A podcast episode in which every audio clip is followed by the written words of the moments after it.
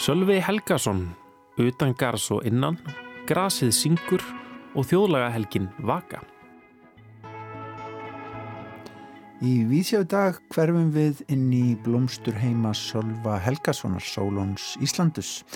En verk þessa heillandi flakkara, fræði og listamanns eru sínd á kjarvalstöðum um þessar myndir. Við ætlum að ræða við Hörpu Björstóttur sem er síningastjóri á nýri síningu á kjarvalstöðum á verkum Sölva. Einnig verður rætt við Línus Orra Gunnarsson Seteborg um vöku þjóðlagahelgi sem verður haldin í Dósaversmiðunni í Reykjavíkum næstu helgi. Bókvikunar er Grasið syngur eftir breskari töndin Doris Lessing. Að því tilefni fræðumst við um höfundin og heyrum brot lesið úr bókinni. Inga Björg Margreðar og Bjarnadóttir fjallar svo um síningu Allamás Indriðasonar í listasafni Moselsbæjar sem er upptaktur að hátíðinni List án landamæra. Inga fór á síninguna og uppvöknuðu hugleðingar um list innan og utan gars í miðju og á jæðri. En við ætlum að huga fyrst að þjóðlaga tónlist.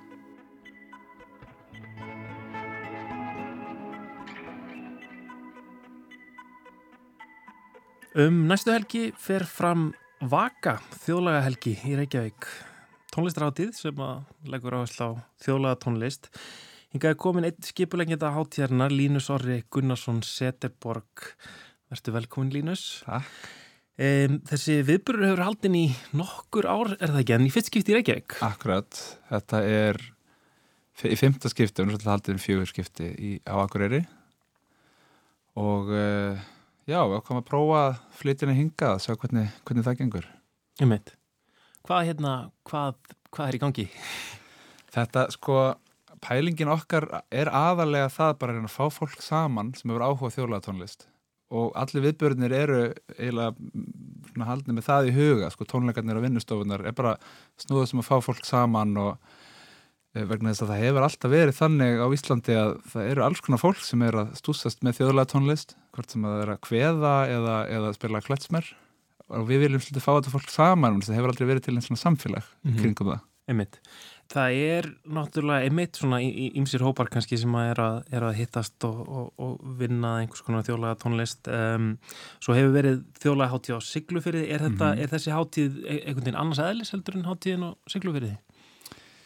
Uh, já, við, við erum svona með kannski svolítið öðruvísi áherslur bara.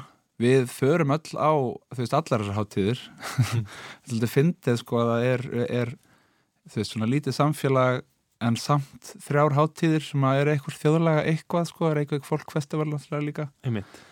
okkur fannst svona, þú veist, ekki alveg meika sens að vera með tvær þjóðlega háttíðir fyrir norðan eh, með mánaða millibili. Einmitt þannig að við ákvæmum að flytja, það er eina af ástæðanum fyrir ákvæmum að flytja sko, hátíðina hingað. Mm -hmm.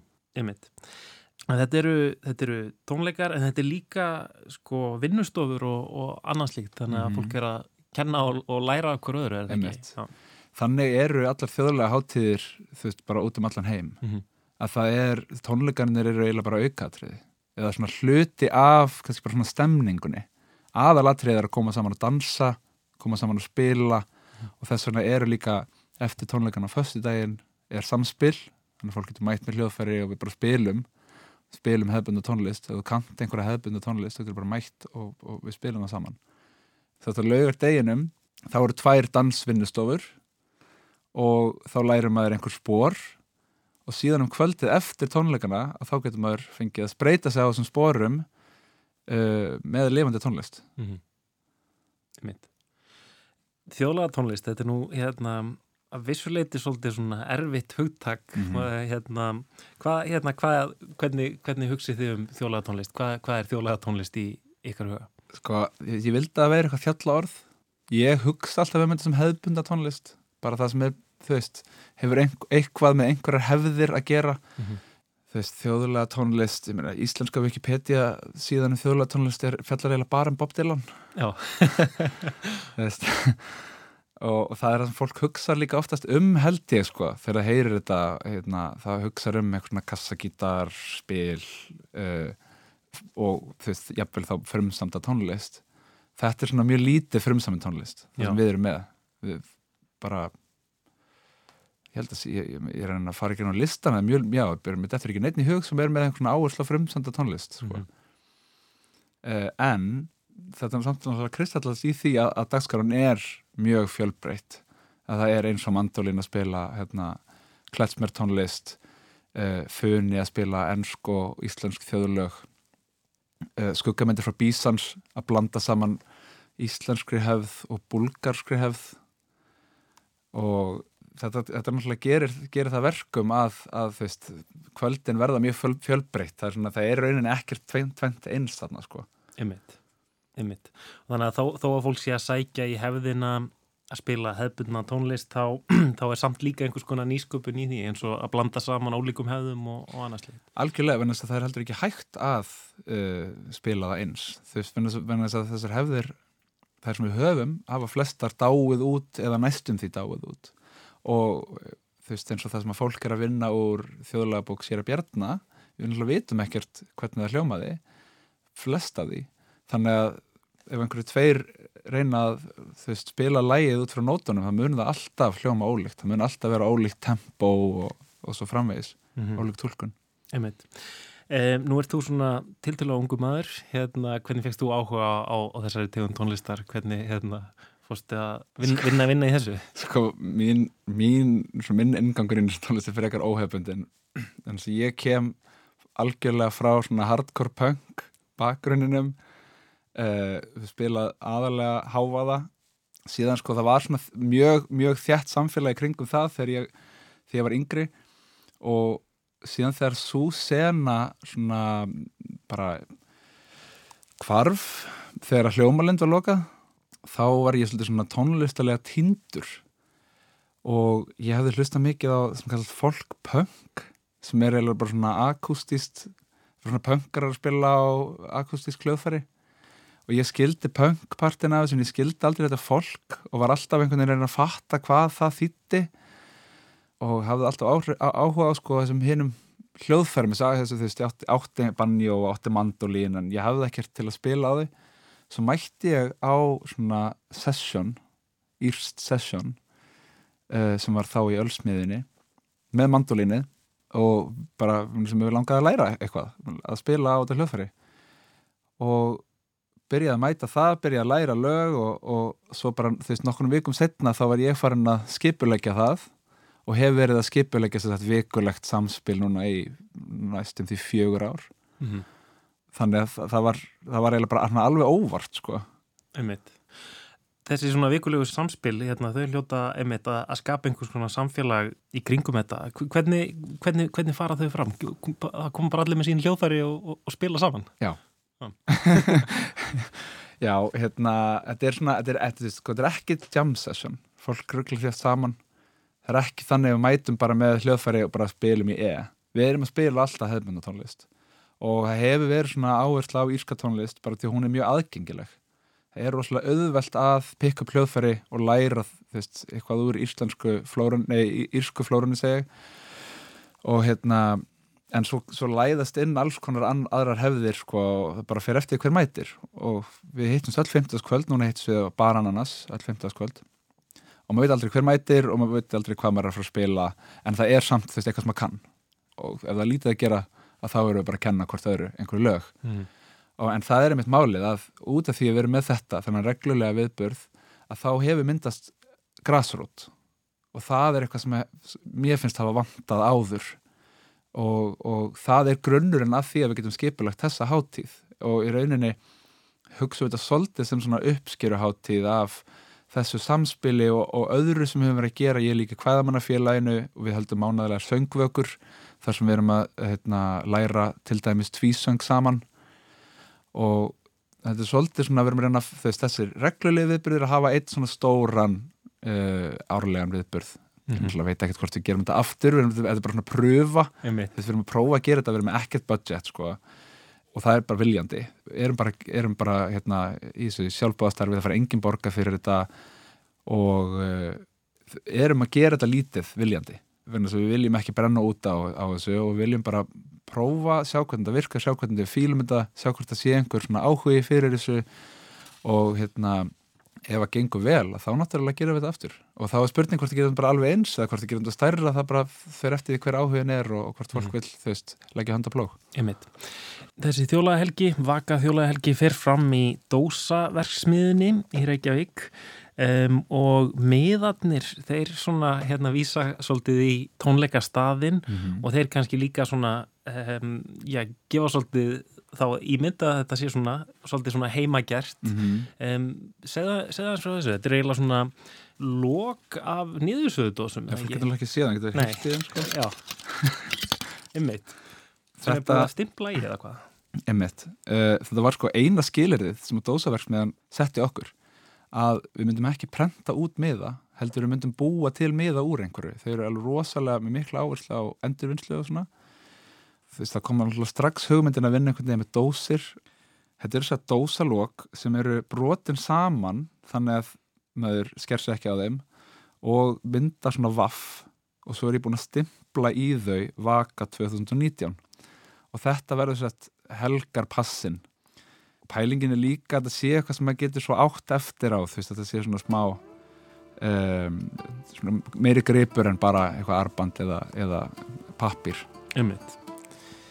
Vaka þjóla helgi fyrir fram í Dósaversmiðinni 31. mæl annan, annans júni meðal þeirra sem koma fram eru Raka Gröndal, Umbra skuggamyndir frá Bísans Voices, Túle, Funi, Gíja Mandolin og svo verða vinnustofur. Mhm. Línus Orri, takk kærlega fyrir að koma við í viðsjá og segja frá vöku þjóla helgi Takk fyrir mig, sjáumst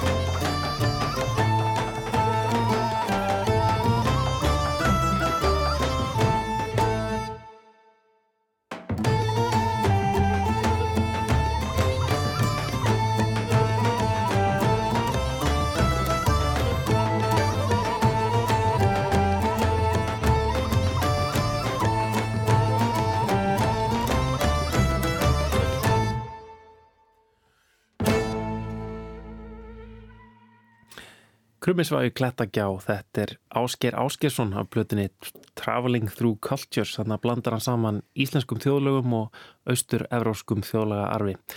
Hann verður á vögu þjóðlagahelgi með hljónstinni sinni skuggamyndir frá Bísans og þá hljóma kannski einhver af lögunum að þessari áhugaverðu plötu. Við ætlum að hugað bók vikunar, ekki satt hvaða bók er fyrir valinu þessa vikuna? Jú, uh, að þessu sinni er það bókin Grasið syngur eftir bresku skáldkonuna Doris Lessing. E, þátturinn er endurfluttur en, en hann var fyrst á Dagskráríkis útvarfins árið 2015 en af því tilefni að við séum að rifja upp Grasið syngur þá skulum við líða á brot úr gömlum viðsjárþætti frá því november 2013 það var skömm eftir að höfundurinn lést. En þá rættu umsjónamenn þáttarins Þorgerður E. Siguradóttir og Elisabeth Indra Ragnarsdóttir meðal annars við Birgi Sigursson reytuund og þýjanda og náinn vinn Lessing og bókmyndafræðingarna Auði Alsteinsdóttir og Sigfríði Gunnlaugsdóttir Hlýðum á One way of looking at the novel, which I think is hardly ever done, certainly not in academia, uh, and that is the novel as information. We have taken this aspect of the novel completely for granted, we never even think about it. Er náttúrulega breskur höfundur þannig séð og auðvitað breskum, af breskri fjölskyldu en fóreldri hennar voru bæði breytar. Sigfríður Gunnlaugsdóttir, bókmyndafræðingur. En hérna hún er, var fætt í Persíu og bjóð þar með fóröldur sinum fyrstu ára æfina, heldur hann að verið fimm ára í matarétt þegar þau fluttu frá Íran og, og þessins Persíu og hérna voru í stuttan tíma í Breitlandi, bara einhver örfa á mánuði og fóru svo þaðan til annara nýlendu til hérna skipta alveg um gýr og, og fluttu til Suður Rótisi sem að þá var náttúrulega bresk nýlenda. Og mammenar var hjókunarfræðingur, pappinar hafi verið semst aðunni í banka fyrir, fyrir, hérna, fyrir heimstyrjöldina og, og eftir það einhvern veginn fann hann sig aldrei almenlega og, og vildi svona einhvern aðeins meira aðeins og eitthvað aðeins fjölbreytilegra líf heldur en að það að vera bankastarfsmæri litli þorp í Breitlandi gatt gat veittunum þannig að þau nótverðu sér tækifæri sem þá var bóðið upp á í Breitlandi semst að kaupa land í nýlendu. Það var náttúrulega verið að reyna að fá breyta til að fara og, og hérna og koma einhverju almennilegri menningu í þessa nýlendur þannig að, að þau gera það, kaupa þar hérna búkarð og þar sagt, elst lesingu.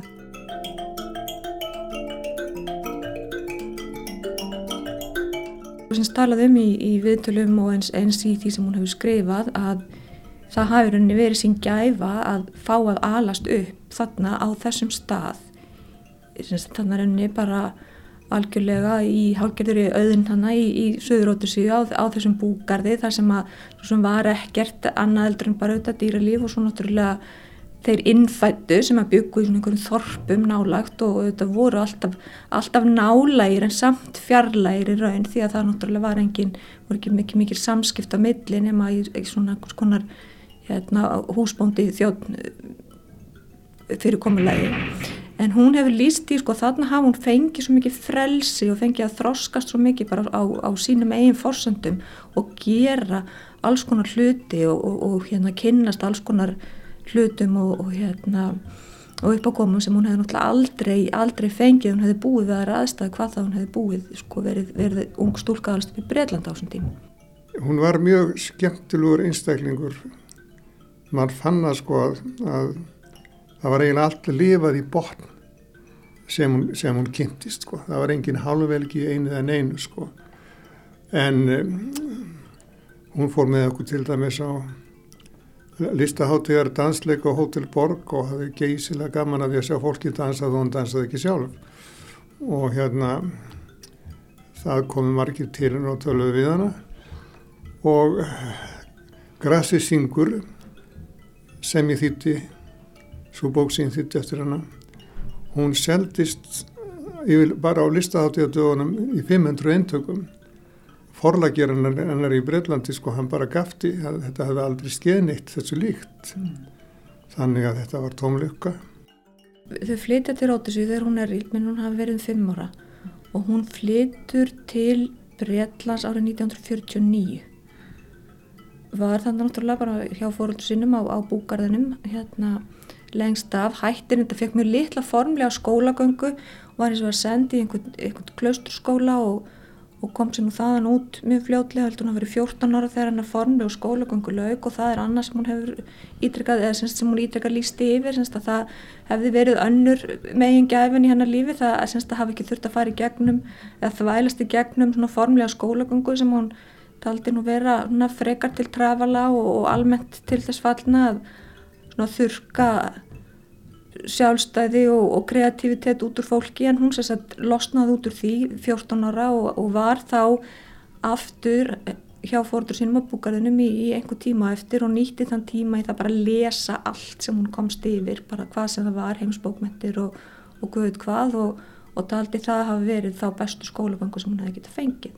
Hún flutti síðan til höfuborgarinnar sem að hérna, þá hétt Salisbury þegar hún hefði verið 16 ára, 16-17 og fór að vinna hérna svona sem símadama og tók, tók þar þátt bara í í allskynns hérna náttúrulega bara lífi eins og und fólk gerir, skemmtarnar lífi og eru og hérna giftist ung og egnaðist tvei börn en fann alltaf hjá sér einhverju svona einhverju óeirð og, og einhvern veginn þetta væri ekki alveg það sem hún vildi þetta, þetta þjóðfélag hendaði sér ekki og, og þau viðþorf sem að þessi minnihluti, þessi hviti minnihluti stóð fyrir og hún auðvitað var hluti af þannig séð náttúrulega var auðvitað bresk og, og hérna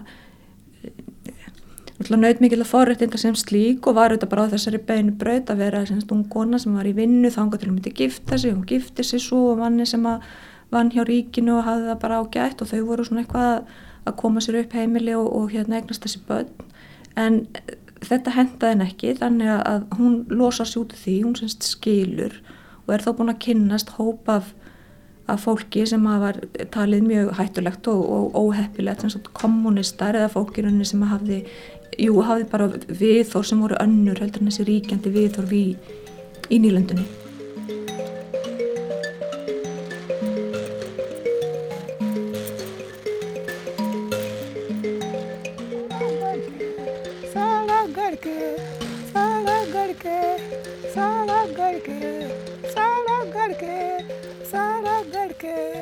Ég ætla að lesa stuttan kabla úr skáldsögunni Grasið syngur. Þýðinguna gerði Birgir Sigursson.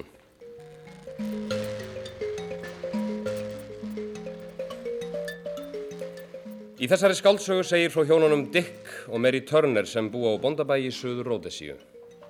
Þegar hér er komið sögu hefur Dick lengi leið veikur af hitasott og er svo komið að Mary verður að taka að sér stjórn út í verka. Vinnuaflið á búinu er engöngu blökkumenn. Hún fann til viðbjóðs, bara við tilhugsun að standa augliti til auglitis við innfætu verkamennina. Jafnvel eftir hún hafði kallað á hundana og stóð með bílleiklana í höndunum á verundinni, snér hún við og fór inn í eldhúsið til þess að fá sér vatna að drekka. Og þegar hún var sest inn í bílinn og fóturinn á bensingjöfinni, fór hún út úr honum aftur undir því yfirskinni að sig vantaði vasaklút. Þegar hún kom út úr Sörnherberginu kvörluðu auganar að langri svipu, sjambokk, sem hekk á tveim nöglum yfir eldhússtýrónum eins og til skrauts. Hún hafði ekki veitt henni aðtegli í langan tíma. Hún tók hana niður, smegði likkjunni upp á úrliðin, gekkað bílnum og fannst hún vera örugari. Þar sem hún var komin með svipuna opnaði hún afturdyrnar á bílnum og skipaði hundunum út. Hún þóldi ekki andardrátt þeirra á hálsinum þegar hún óg. Hún skildi þú eftir fyrir framann húsið ylvrandi af vonbreyðum og óg síðan niður veginn í dalinn þar sem verkamennir áttu að vera að vinna. Þeir vissu að Dick var veikur og voru hvergi sjáanlegir. Hauðu mörgum dögum áður farið heim í búðirnar. Hún ók eftir ójöfnum tróðningnum, eins nálagt girðingunni kringum kofana og hún framast gat og gekk síðan eftir göngustígum blökkumannana til búðana. Göngugöturnar voru harðar og sléttar en þekktar mjúku, glansandi og röku grasi og hún var að gæta sína skrik ekki fótur. Ott kvassar nálar af löngum og ljósum stráunum festust í kjólfaldennar og rauðleitt rík barst með vindinum frá runnunum í andlitennar. Búðirnar höfðu verið staðsettar á lári hæð sem reys upp úr dalnum í tveggja kílometra fjarlæg frá húsinu. Venjan var að nýjir verkamenn sem ráðnir voru í vinnu fengju einn dag til umráða kauplaust til þess að reysa sér og fjölskyldu sinni kofa á svæðinu áður eðir hófu störf. Svo að það bættust alltaf nýjir kofar við og gamlir fjallu smátt og smátt saman ef þeir voru ekki brendir. Kofarnir stóðu í þyrpingu á um það byl einum hektara lands. Það leitt fremur út fyrir að þeir hefðu sprottið upp úr jörðinni en að þeir væru mannabústaðir. Það var eins og risavaksinn svört hönd hefði teikt sig niður frá himninum og grepið handfylli af greinum og grasi, breytt því í kofa með göldurum og látið á falla til jarðar.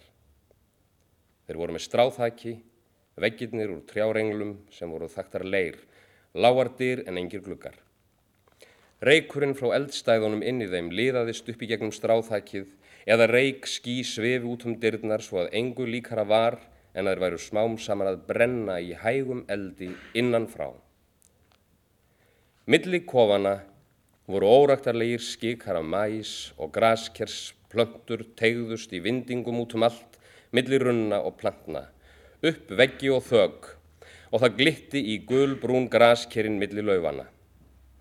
Sum þeirra voru byrjuð að rótna, breytast í súr þefjandi rauðleita og meira kvóðu og voru þakinn flugum, flugur allstæðar. Suðandi flugnaský var kringum höfuð á Meri þar sem hún gekk og þær sátu þjett í kringum augun á litlu blökkubörnunum sem voru með útstæðan kúlumaga og hérum byrju nakinn og störðu á hana þar sem hún smegði sér millir mæskikana og klifur plantnana. Hund kvikindi sem voru svo skinnhóruð að það sást í riðbeinin letu skína í tennurnar og læðu pókuðust svo burt. Blökkukonur sem voru sveipaður óhreinum klæðum úr búðinni, sömar þeirra berar að ofan svo að stór, hangandi brjóstera blöstu við, störðu á hann úr dyragættunum, steinir losnar af undrun yfir kominar. Þær skiptust á óhefluðum aðtugasemdum um hana og hlóu. Þarna voru líka nokkrir karlmenn. Þegar hún gaut augunum að kofadýrónum, sá hún nokkru þeirra liggja inn í kofanum og sofa. Aðrir sátt á hækjum sér í smá hópum og töluðu saman. En hún hafði ekki hugmynd um hverjir þeirra voru vinnumenn Dix eða hverjir voru gestkomandi eða hafðu komið við á leiðinni til annara bondabæja.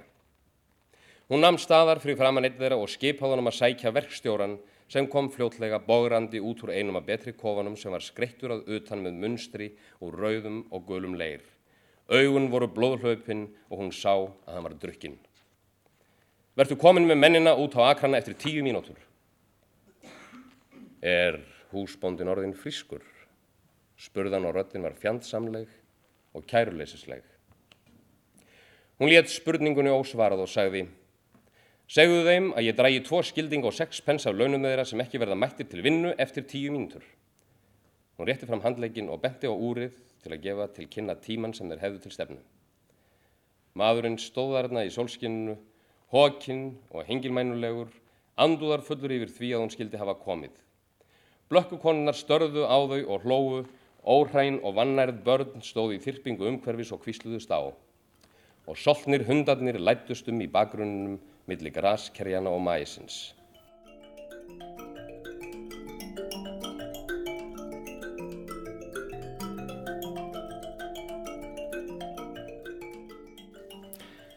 Hann undir lokin heyrðu við auðvitað Arnar Jónsson lesa úr skaldsögunni Grasið syngur eftir Doris Lessing í íslenskri þýðingu Birgis Sigurssonar. En Grasið syngur er bókvikunar á rás eitt af þessu sinni. Í þættinum sem að verður útvarpað á sunnudag en var fyrst á dagskrá í júni 2015 ræðir Þorgirur E. Siguradóttir við auði Alstinsdóttur og Sigfríði Gunnlaugsdóttur. En við ætlum að huga að myndlist Inga Björg, Margreðar og Bjarnadóttir myndlistar rínir okkar hér í Víðsjá. Hún fór á síningu upp í listasafni Mósesbæjar, síningu sem að kvekti hjá henni hugleðingar um það hvað er í miðju og hvað er út á jæðri, hvað er innan gars og utan við skulum hlusta á þetta. Í listasal Mósfellsbæjar stendur nú yfir engasýning Allamás Indriðasonar. Sýningin er upptæktur að hátíðinni list án landamæra sem fer fram í oktober síðar á þessu ári, en Allimár var valin listamæður hátíðarinn í ár. Allimár hefur sterk höfundaringinni, tvíviðar fígúrur, bjartir og mikli litir og sterkar vísanir í vinsældarmenningu. Myndfluturinn er jafnan þakinn þessum litriku fígurum sem eru auðþekkanlegar úr kvikmyndum, menningu, teiknumyndasagna og ofirhetju heima. Þann kemur einmitt myndheimurinn sem dreyinir fram á þessari annari engasýningu Allamás úr vinsaldamenningu og eiga verkinn það sameigilegt að fjalla um ofurhetjur og leika henni sívinsælu ævintýri heimar Marvel og DC Comics því stort hlutverk. Á síningunni eru bæði teikningar og skúltúrar sem hafa skýrar vísanir í þessa heima og þrátt fyrir hálgjada einsleitni fígrona verður ekki umvelst hver eru hér á ferð. Þessi enginni sem við þekkjum úr samauðilegu minni okkar, menningarminninu, verða skemmtilega skýr þegar þeim er miðlað með næfum stíl allamás. Við þurfum ekki að þekka eina einustu ofurhetjuminn til þess að sjá enginni ofurmennana, en myndin skekkist, tegist og tósast í meðförum allamás. Því verkunum sjóst ofurhetjur þvert á heima, sömu ofurhetjunum bregður oft fyrir í sama verki, þar að fígrutnar hafa ólík personenginni en ofurhetjunar eru þar sömu og í öðrum verkum sjást ólíkar ofurhetjur þvert á heima með áþekka eiginleika. Allir þessar árakstrar valda komiskum vangaveltum um minna réttstýrðan ofurhetjuheim í einhvers konar hliðarveruleika, þar sem teimi ofurhetja passa illa saman og allir hafa sömu eiginleikana. Hvernig ójapvægi skapast í heimi ofurhetja þar sem allir vilja vera súpermann? Þegar allir eru ógesla sterkir en enginn hefur snerpuna. Allir standa vaktina gegn íllmennum í háloftum en enginn á sjó. Listamæðurinn hefur mikinn áhuga á ofurhetjumenningu og eru verkinn að sögn síningastjóra framlenging á þessum heimum, nokkus konar brú á milli veruleika listamannsins og þessara ævintýra heima. Skúldrann eru framlenging, hálfgerðir leikmunir, skapaður úr því sem fellur til þar sem hverstagslegir hlutir breytast í vopni augum þessum trúir. Þá teiknar Allimár sjálfan sig og vinið sína í hlutverk ofurhetjana og þannig byggir hann brú yfir í heim ofurhetjana, byggir og afbyggir tengslinn á milli, setur þau í hverstakslegt samhengi og mátar sig í hlutverkið. Eins og áður kom fram er síning Allamás í listasal Mósfellsbæjar hluti af hátíðinni list án landamæra. Háttíðanlegur áhersla menningalega fjölbreytni og spila list fólks með fallanir líkil hlutverk og hefur list listamanna með þróskahömlun og aðra vitsmunlega skerðingar fyrir sérstaklega ábyrrandi frá stopnun háttíðarinnar árið 2003. Háttíðin hefur stuðlað að samvinna á milli listamanna, fallara og ófallaðara, byggt brýr á milli ólíkra sviðalistheimsins og opnað á umræðum fjölbreytileika í listum. List fatlas fólks má flokka sem átsætirlist sem gjarnan er á jæðrinum, sköpuð af listamönnum sem hafa ekki hloti formlega akademiska mentun og eru meðal annars af þeim ástæðum utan kjarnalistheimsins. En ef við lítum til tækifæra fólks að formlegri akademiskri listmentun á Íslandi er það ekki eins og best er það á kosið. Listnemyndur sem ekki fallaða norminu mæta hindrunum sem er í sann fjárhagslegar, manngerðar og samfélagslegar. Það leiðir af sér að hópurinn fær ekki þann vettvang fyrir æfingar undir leiðsög fagmentaðra og svigrum til tilraunamennsku og þróunar á stílsínum sem formleg akademisk mentun veitir en þarfri utan er hún oft talin einhvers konar líkila því að teljast alvöru listamæður. Raunar hefur listheimurinn sett upp múra, yngungu skilirði og kröfur sem eru sniðin að ófölluðu fólki um ákveðna hæfni, líkamlega og vitsmunarlega, um akademiska færni sem hefur í reynd ekkert með hæfileikan til að skapa frumlega áhrifamikla list að gera. Og ef fólk ætlar að kosta formlegu framhaldsnámi í listum þarf það að uppfylla skilirði sem eru sniðin á þröngum hópi fólks í samfélaginu, annars á það ekki kosta á stunda listnám, tilhera félagasöndöngum listamanna eða sækja um í styrtar og verkefnasjóði. Af þessum ástæðum má segja að listamenn með fallanir séu dæmdir til þess að tilheyra jæðrinum. Þeim er komið þar fyrir af miðjunni sem skilgrinni jæðarinn. Og það þarf ekki að ætla að listamenn með fallanir vil ekki nákvæmlega það sama á aðri listamenn. Að síningar þeirra séu vel sóttar, að list þeirra séu kift af söpnum og listunendum og að fá að sína með öðrum framúrskarandi listamennum. Tilneyingi núna er að listamenn með fallanir sína á sérsýningum með öðrum fölluðum listamennum en á listán landamæra hefur sínt sig hver frjótt og gjöfult samstarf listamanna getur verið, listamanna sem höfðu líklega aldrei hist vegna þessa fyrrnemdu múra. Þá hefur hátíðin einni vakið aðtikla á framúrskarandi listamennum utan einsta kjarnar listasennunar, listamenn á borði við allamá.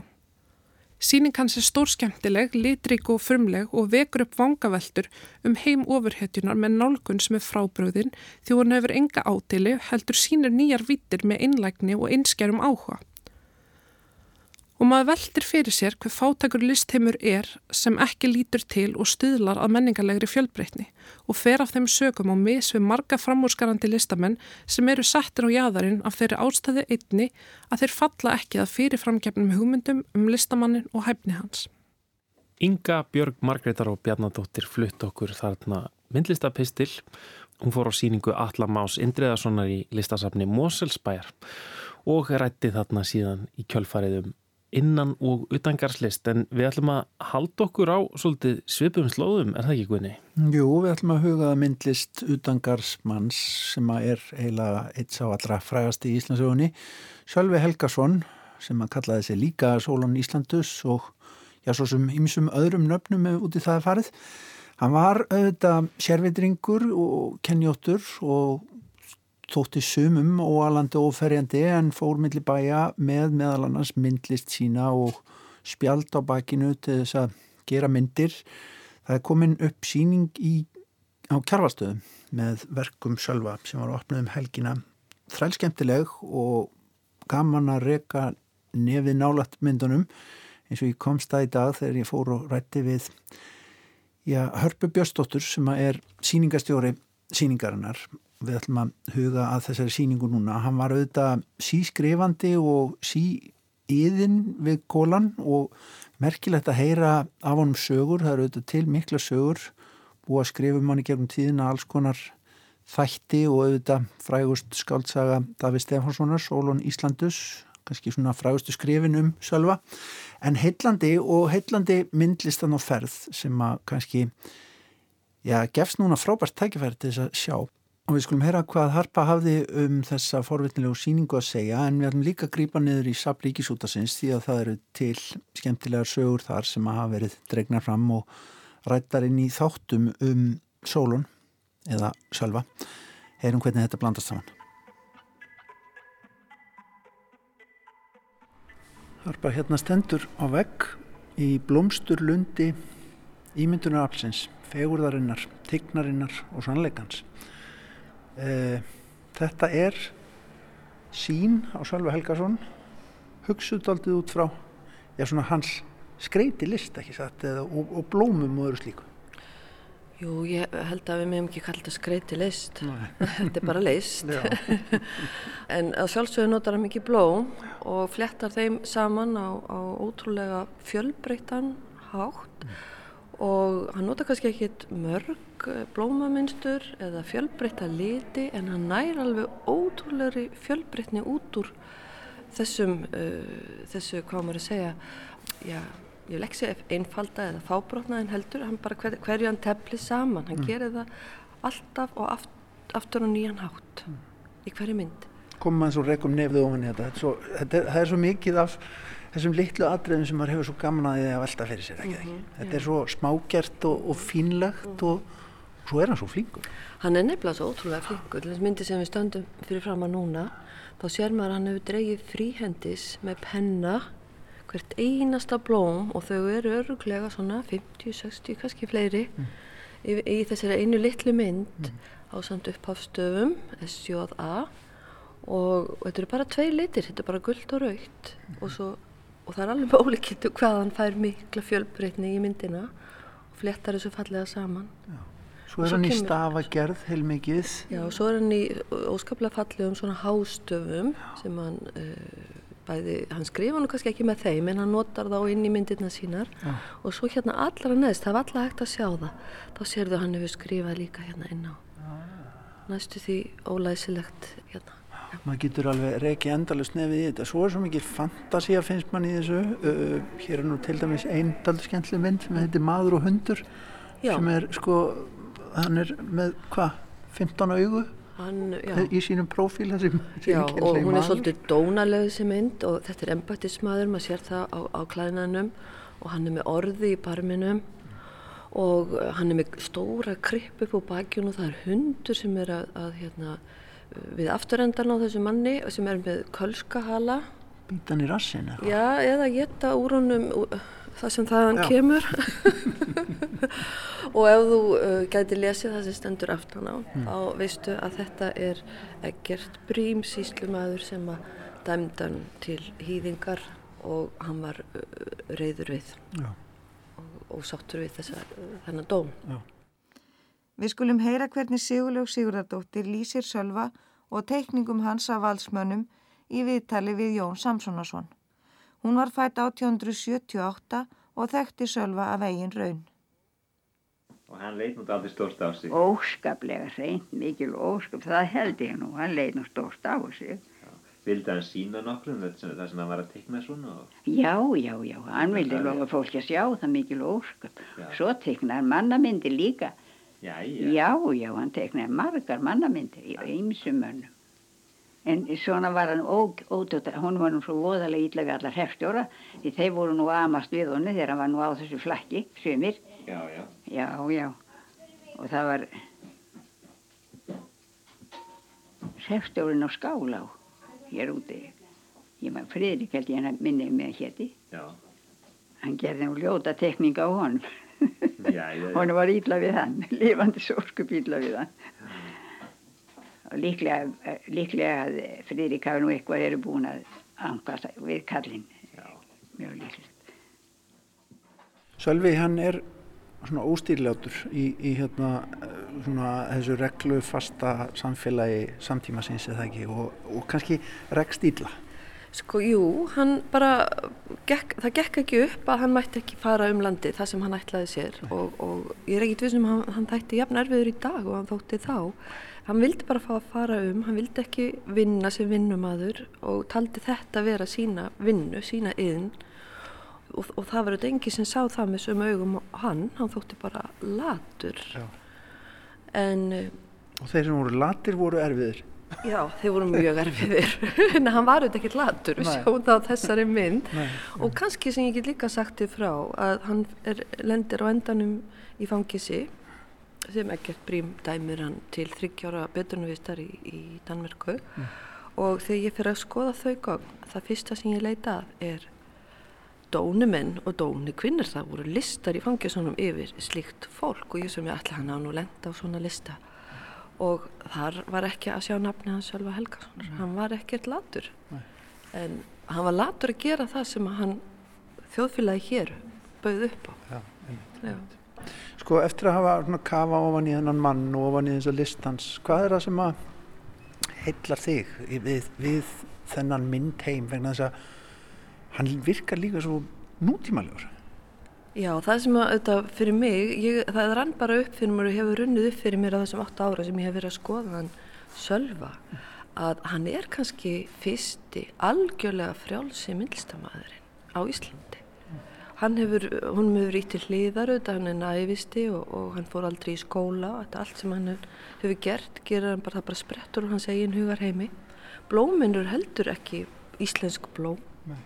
Þetta eru bara blóm. Fantasíu blóm bara fantasíu blóm mm. og það, þessir fyrstu íslensku myndlistamenn eh, skulum segja Sæmundur Holm skulum segja Sigurður Málari og fleiri eh, að, að þeir voru ekki að mála úr sínum eigin hugarheimi. Þeir voru að mála uh, portrétt kannski. Uh, alltaristöflur oft kópjur eftir dönskum málurum. En Sölvi er alveg frjáls í, í sínu. Al, algjörlega frjáls, þú sér það.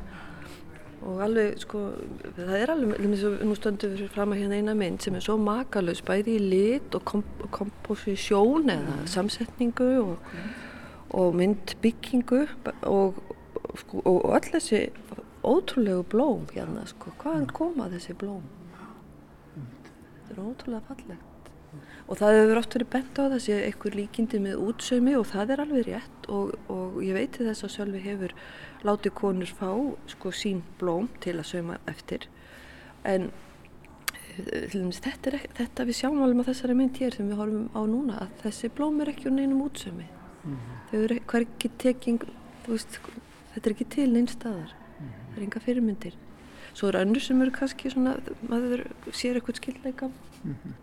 En hvað getur þú sagt mér um þessar mannamyndir? Ég veit að jú, ok, hann er hérna, ósáttu við yfirvöldin og, og vil stundum mm -hmm. mála þau svona daldi, daldi hart, skulum við segja, en, já, en svona er hann, að, er hann að, bara eins og til dæmis hérna þessi já. fræga mynd hérna sem er mað, maður, karlmaður í, í, í brúnum frakka. frakka Þetta er líklega svona frægasta myndin sem maður já, sér eftir hann, eða hvað? Eða andlismyndin úr Davishúsi sem er svona og það er svona vafamál hvort að hann hafi sjálfur teiknað þá handlismynd mm. maður sér að mannamyndirnar hans eru oft svolítið uh, gerðar af vankunáttu hann ræður ekki alveg við það.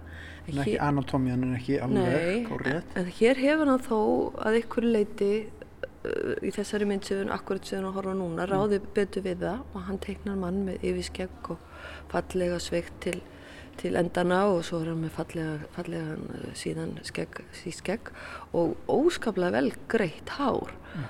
og það er sagt frá því að, að Sölvi hafi verið með mjög fallegt uh, ljósgullið, rauðgullið hár og hafi alltaf verið greitt að snirtilega og verið snirtilegur mm.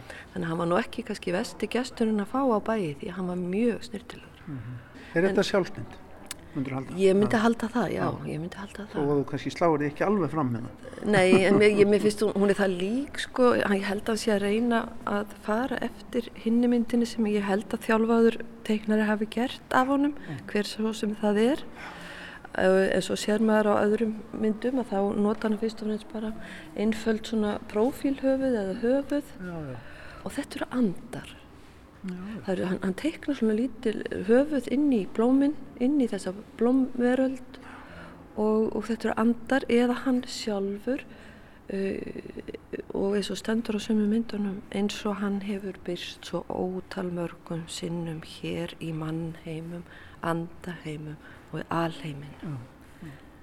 Mm -hmm. Hvað er mikið til af Sölva Helgarsinni? Af því að ég sé að það eru marga myndir hérna inn á milli sko mertar enga eitthvað kemur á þetta og, en, en það er slatti hérna í yngaeg það er slatti í yngaeg hefur það náðu utanum þetta? ekki fullkonlega en svona ég er með nokkuð góða hugmynd held ég en ég, þó veit ég að það er ímislegt sem að og ég vona bara að ég kjálfara þessari síningu fá ég kannski upplýsingar um fleira en Já. við fengum nú hingað til lands mm. átjánverk úr yngaeg mm -hmm. uh, frá Danmörku Já frá konu sem heitir Ingrid Nilsen mm. og uh, er stórmerkileg kona og hún ákvað það að þetta ætti nú heima hér, ég er búin að þekkja hana núna í einn sex ár og við höfum spjallað mikið saman mm.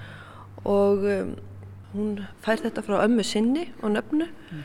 sem var hér kjænslukona á sögakróki hjá Kristján Popp og Pólu Popp og uh, þegar hún kemur aftur heim til Danmörkur þá tók hún með sér sitt lítið að hverju sem að hún hafði eignast hér á landi.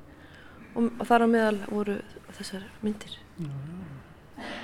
Frábælega hérna, skemmtilegar myndir Já. og bæði konur og kallar hérna og, og, og svo þessi skreiti sem er, er náttúrulega bara eins og grafíkklippi Já, þetta eru klippimyndir og svona klipp er til dæmis, þetta er dansku síður en, en ekki íslenskur þannig að og Sölvi kallaði þetta rósir og eh, listilega gerðar. listilega vel gerðar. Og, og ég sé það alveg fyrir mér að þær hafa segjum sem svo fólk hafi geimt þær og notaði kannski sem bókamerki eða guð veit hvað að þá er það svo viðkvæmar að þær hafa krumpast og skemst hratt. Og kannski þess vegna sem svona fáar hafa varfist hér á landa allavega. En það er þó alveg ljóst að menn hafa löngum haft mísjafnar skoðanir á sjálfa helgasinni eins og framkemur í viðtali sem Hallfröður Örn Eiríksson tók við Þórildi Sveinsdóttur frá Hóli í Svartárdal. Ég held að hann hefði nú þótt frekar hrókafullur og leiðilegur. Hann var, hann var tannig ef það, voru, ef það voru fleiri, ef það voru aðri flakkarar komnir, þá vald hann ekki tafa samið þá að seld og helst ekki hafa mötuneyti með þeim neitt. Þóttist betri en þeir og og honum fél illa og átti þá hjapnum til að hlaupa burta bæ ef að, ef að uh, hann var lagður til japs við þá aðra flakkara. Það er þó miklu oftar sem honum er borin vel sagan í sjálfsæfi sögum og endurminningum þar sem fjallaður um hann á efri árum. Hólmfríður Hjaldarsson ber honum til dæmis fremur vel söguna í endurminningum sínum og lýsir honum á þessa leið. Greindur var hann á meinirtur og ef hann var áreittur leta hann hvern hafa sitt. Hann var listfengur og hagur á allt sem hann bar hönd að. En neyðum til að mála verðist honum í blóð borin og var þannig ekki upprætt og margt hafi verið gert til að kæfa hann niður. Málaraborðið bar hann á bækinu og hafði með sér hvert sem hann fór. Hann sati jafnan við að mála, teikna og klipp út rósir. Á mörgum stöðum var honum vel fagnað. Finnst þú að vera kynnast sjálfa svona í gegnum þessa vinnu? Ég, ég, ég sett upp síningu 2011 á, í safnasafnun. Mm. Þá fannst mér ekki kynnast honum og síðan hef ég bara alveg leið yfir honum Já. og þetta kynnist honum alltaf betur og betur. Og hann, hann stendur mér bara orðið alltaf mikið nærri og mér finnst uh, þeir sem hafa um hann fjallað, uh, hafa fjallað um hann á ma margvíslegan hátt, það er til fjöldi æfið þáttu um sjálfa. Mm. Uh, Davíð Stefánsson skrifar um að skaldsöguna, Sólón Íslandus, Jón Óskar skrifar um hann æfi ágrip og hann heitlar hann heitlar, hann heitlar enn sko. Og það á bara eftir að skrifa sem sagt annað á meira og ég er að reyna, er að reyna Já, sjálf að okay. Þú ert með eitthvað í smíðum, Já. segir ég. En það eru margar líður á þessum listamanni sem er hægt að, hægt að kanna áfram Já, jú. Bara eins og svo sem flestum listamannum. Já, og, og, og kannski vegna þess að hans personleiki er svo óvenjulegur og, og stríður auðvitað og fólk verður til svo margar sögur af honum. Mm. Sjálfsagt sannar, þó aðrar hafi kannski líka verið búna til, en ja. það er nú oft talað um þessa frægu vísu eftir Bóli Hjalmar.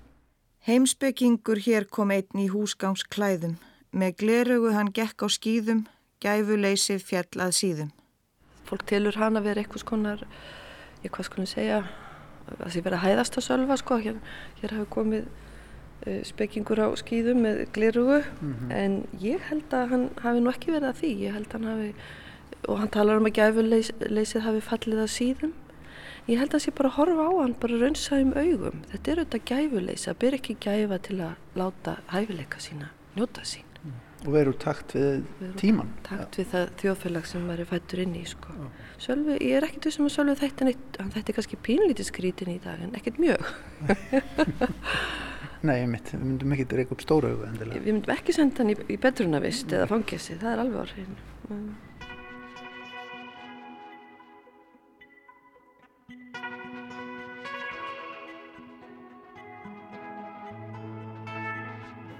Þannig saði Harpa Björnsdóttir síningastjóri okkur frá síningunni Blómstur heimum með verkum Sölva Helgasonar á kjærvalstöðum um að gera benda fólki að fara niður á kjærvalstaði og kynna sér merkilega mynd heim Sölva. Þannig var líka greipið niður í útastátt sem að hétt Kynja Karlar og Skringi Skrúur með honum hafðu umsjón Rósa Þorstensdóttir og Jón Jónsson. Þetta var þáttur frá árinu 2000. Er svo náttúrulega ljúka við svo í dag? Já, við verum hér aftur á morgun klukkan fjögur. Þá verður ímiðsleitum að vera spennandi þáttur frámyndan. Við þakkum fyrir okkur í dag. Verðið sæl. Verið sæl.